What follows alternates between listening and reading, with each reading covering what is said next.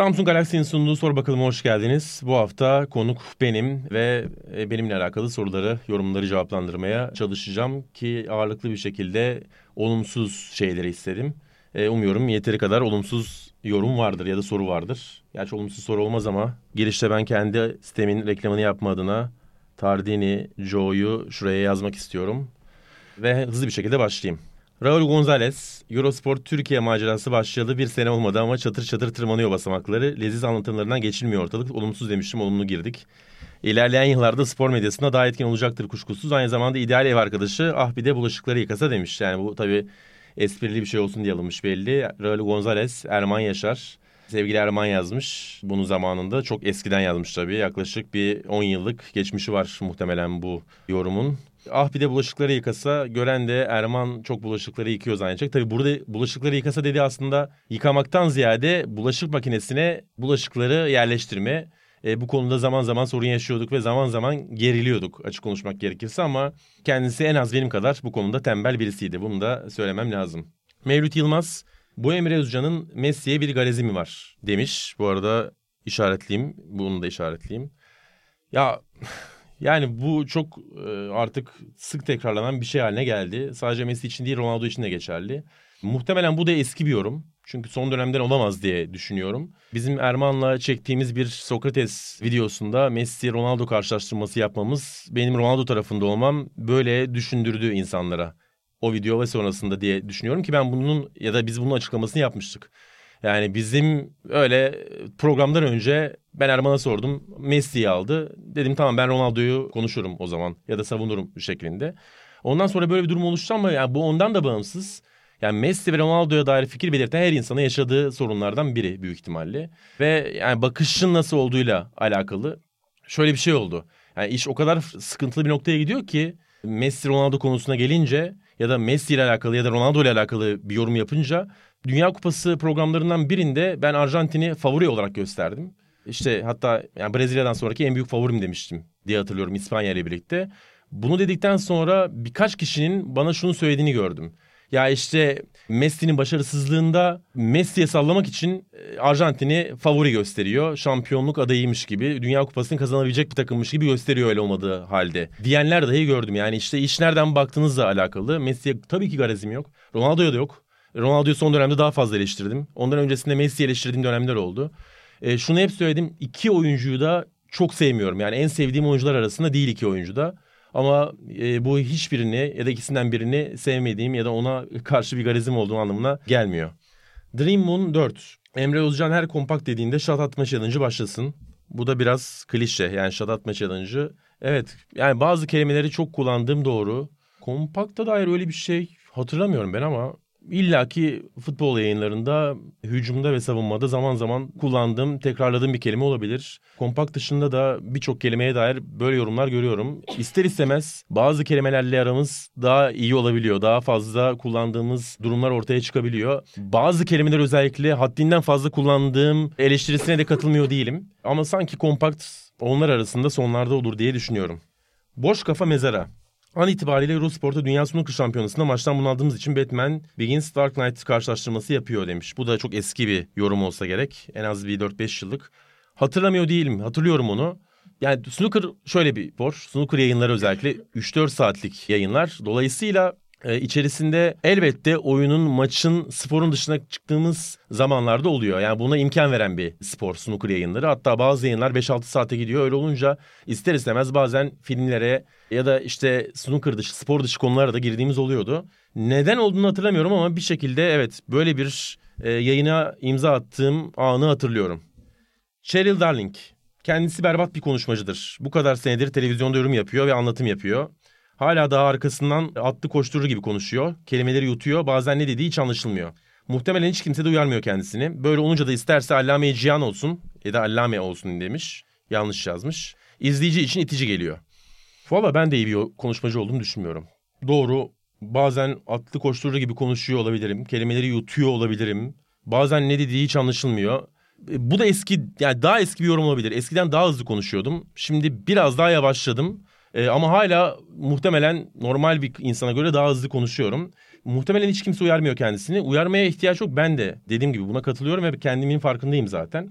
Dolayısıyla eksik bulduğum yerlerden biri ya da eksik bulduğum kendimi geliştirmeye çalıştığım konulardan biri bu. Profesyonel bir yardım aldım mı bu konuda? Hayır şu ana kadar almadım. Belki ileride düşünebilirim. Ama yani katılmıyor değilim açık konuşmak gerekirse bu yoruma. Ama dediğim gibi eskiye göre bu konuda kendimin biraz e, gelişim gösterdiğimi düşünüyorum. Hemen bu soruyu işaretleyelim. Bir sonraki bu olumlu. Bunu da geçiyorum ben.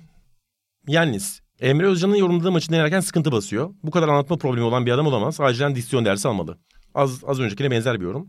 Ya aslında yorumladığım maçtan ziyade ben de anlattığım şeylerin yani konuşma temposundan ya diksiyondan bağımsız ki benim aslında diksiyondan ziyade yani kelimelere vurgu, doğru seslere, doğru notalara basmadan ziyade bir artikülasyon problemi var büyük ihtimalle. Hızlı konuşma tempolu konuşma ya da belirli bir temponun üzerine çıkma biraz daha artikülasyon kısmı ile alakalı.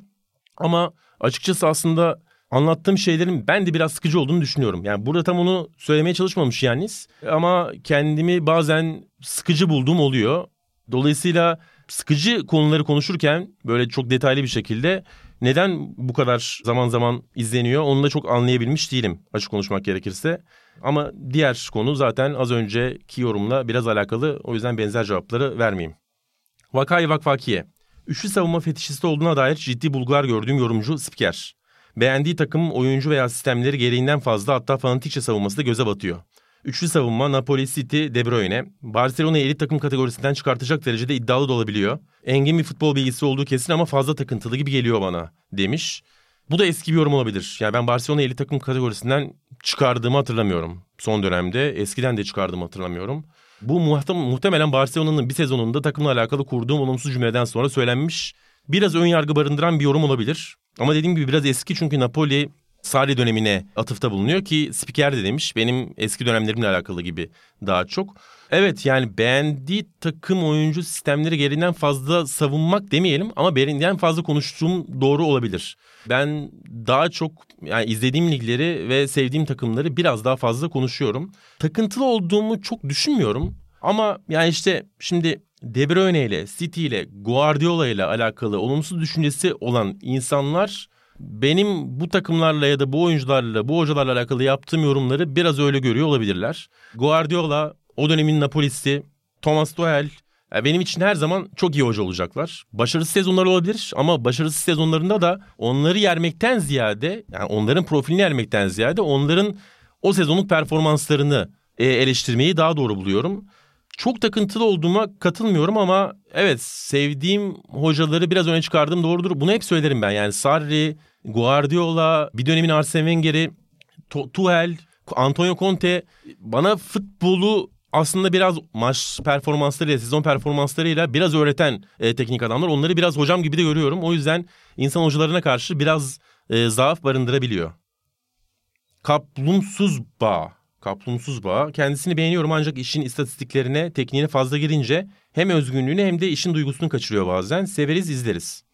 Yani tekniğine ve istatistiğe girmek neden özgünlüğü kaybettirsin ki? Ya ben onları da özgün bir şekilde yani işin tekniği yorumlarken de özgün yorumladığımı düşünüyorum. Ona çok katılmadım. Duygusunu kaçırıyor muyum? Bilmiyorum. Olabilir. Öyle düşünebilirsiniz. Ama mesela şu kendimle alakalı gördüğüm eleştirilerden biri, sık gördüğüm eleştirilerden biri işin istatistiklerine fazla giriyor. Ben öyle düşünmüyorum. Yani istatistiği ve dataları, metrikleri çok kullanıyorum ama her zaman söylerim yani 45-50 dakikalık programlarda benim e, rakamları ya da istatistikleri konuşmam 4-5 dakikayı geçmez. Böyle bir ortamda da işin rakamlarına çok fazla eğildiğimi, haddinden fazla eğildiğimi düşünmüyorum. Gereği kadar eğildiğimi e, ya da düşünüyorum. Çünkü artık teknik adamlar, e, hocalar, teknik ekipler de e, bu metrikleri, bu dataları e, kendi işlerini yaparken daha fazla belki kullanıyorlar. Ben de e, o kadar programlarda %10, %15'e geçmeyecek şekilde kullanmaya çalışıyorum. Daha fazlası olduğunu düşünmüyorum açık konuşmak gerekirse. Uçmuş yazar Tam adı Ali Emre Özcan olup lisede bir dönem sınıf arkadaşım ve ara sıra arkadaşım olan güzel insan. E, lisedeyken iyi bir basketbol oyuncusuydu. İyi yerlere geldiğini görmek güzel. Damarına basılmadığı sürece hiçbir şey kızmayan ama hızlı konuşabilen birisiydi. Evet hızlı konuşmak önemli. Muhtemelen evet Atatürk Lisesi'nden bir arkadaşım kim olduğunu tabii ki bilemiyorum ama bu yorumu görmek burada iyi hissettirdi. Açık konuşmak gerekirse daha önce görmediğim bir yorumdu. Corleone. Paris'in mükemmel şehir diyen Emre Özcan. Abim şehir mi görmedim be? Valla Corleone ben de öyle düşünüyordum Paris'e gidene kadar. Benim de biraz gitmeden böyle abartıldığını düşündüğüm şehirlerden biriydi ama gidince iki günde vuruldum ne yalan söyleyeyim. Dünyanın her yerini gezmedim ama şu ana kadar gezdiğim şehirler içerisinde en çok öne çıkan iki şehirden biri oldu diyebilirim. O nedenle ya görmediğim şehirler var ama Paris'in birçok şehri yani görmediğim şehirleri görsem bile çok arkalara düşeceğini düşünmüyorum. Yani o kadar harika bir yerdi bana göre. Kulbak Bilge. Kedi alerjisi olmasına rağmen kedisi andan ayrılmaz. O yüzden kırmızı gözlerle yayına çıkar çoğu zaman. Editör notu bu entry ile alakalı bir öz eleştiri verecek mi demiş. Bence benimle alakalı gerçeği anlatan bir yorum. Kulbak Bilge'ye teşekkür ederim. Yani Hannan'dan neden ayrıldığımı aslında açıklayan bir konu. Çünkü gerçekten o 5 yıl boyunca sürekli yorgun gibi gözüken gözlerle, kızarmış gözlerle, kızarmış gözaltıyla ya da gözaltlarıyla programa çıkmam ve hayatımın çok zorlaşması maalesef bu kararı vermeme sebep oldu. Handan'ı hala çok seviyorum ama benim için gerçekten işi artık sağlık problemlerine götürmeye başlayan bir durumu beraberine getirmişti maalesef. O yüzden şu anda kendisi Erman'la. Destroy Everything. Etrafında ciddi bir tapınan kitlesi bulunan yeni nesil her şey otoritesi. Her şey hakkında fikri var. Yanındaki garibanlar da emme basma tulumba gibi kafa sallıyor.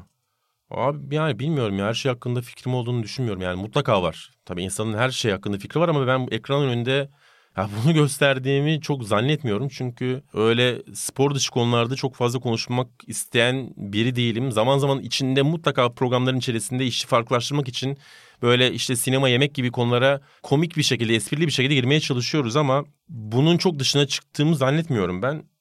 Yani her şey otoritesi olmak biraz daha farklı bir şeyi beraberine getiriyor bence. Balili tipi pırpır forvet. Abi gel biraz X'e övelim ortamların çağrılması gereken ilk kişi intibası uyandıran yorum.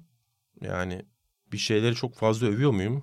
Olabilir ama bayağı yerdiğimi de düşünüyorum ben. Yani burada galiba çok fazla övüyor. Altını çizeyim şeyi var gibi, vurgusu var gibi.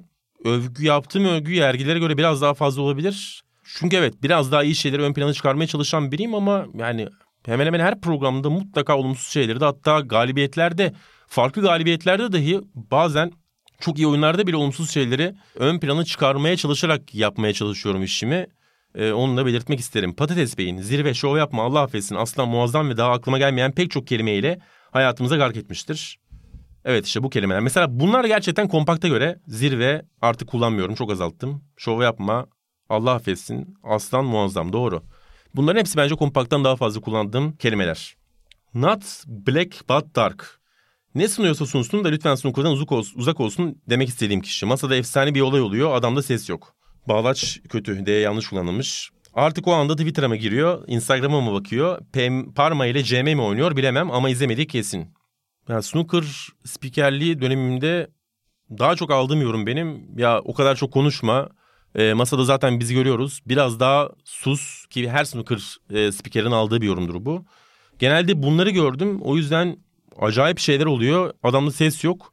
Hiç görmediğim yorumdu. Teşekkür ederim. Not Black, Bat Darka. Keşke senin bu yazdığını daha fazla yazan insan olsaydı. Ben spikerlik yaparken ama uzun zamandır e, bu işten ayrıyım.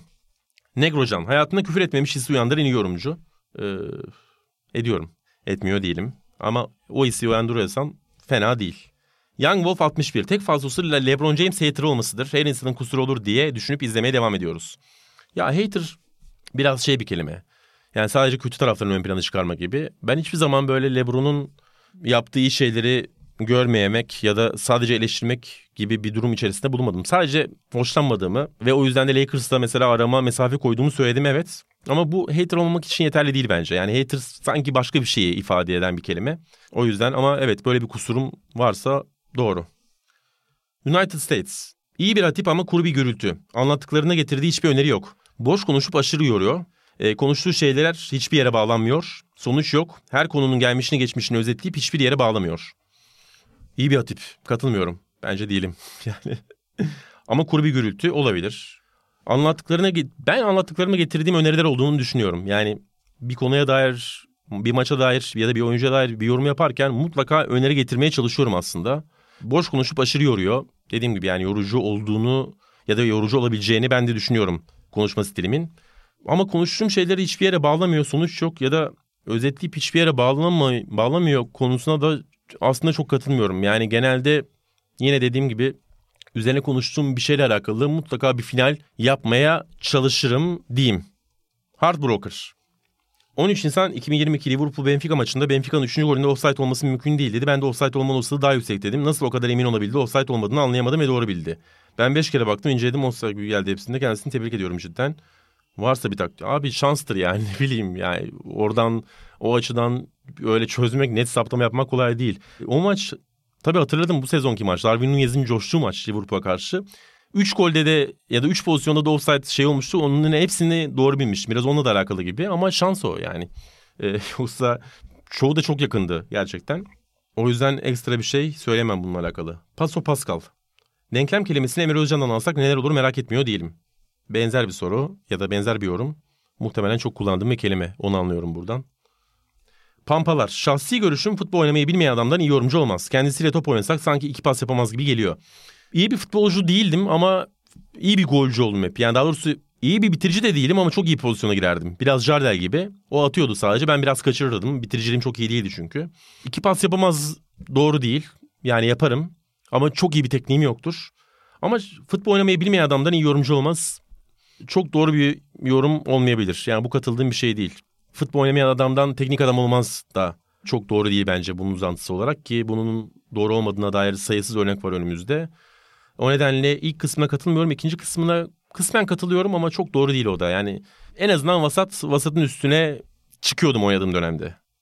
Superficial philosopher. İyi bir futbol yorumcusu. Severim kendisini ama sevmediğim bir yönü var. Futbolu çok ciddi alıyor. Sal abi biraz terimlere takılma, istatistiklere bu kadar takılma. Dediğim gibi duygusal olduğunu göster mesela. Hep bir nötr, hep bir objektif olma çabası bir noktadan sonra ters tepiyor. Abi evet çok ciddi alıyorum yani futbolu, oyunu. Bu aslında işimi biraz ciddi almak anlamına geliyor. Ama bunu şu yüzden yapıyorum. Yani teknik adamlar çok ciddi alıyor, futbolcular çok ciddi alıyor, başkanlar çok ciddi alıyor ya da işte idari yönetimler. E, onlar ciddi alırken benim ciddi almamam çok doğru olmaz gibi geliyor bana. Onların yaptığı işi, ciddiyetle yaptığı işi konuşurken. İstatistik kısmına takılmadığımı ya da daha doğrusu ona takılma konusuna katılmadığımı az önce belli etmiştim.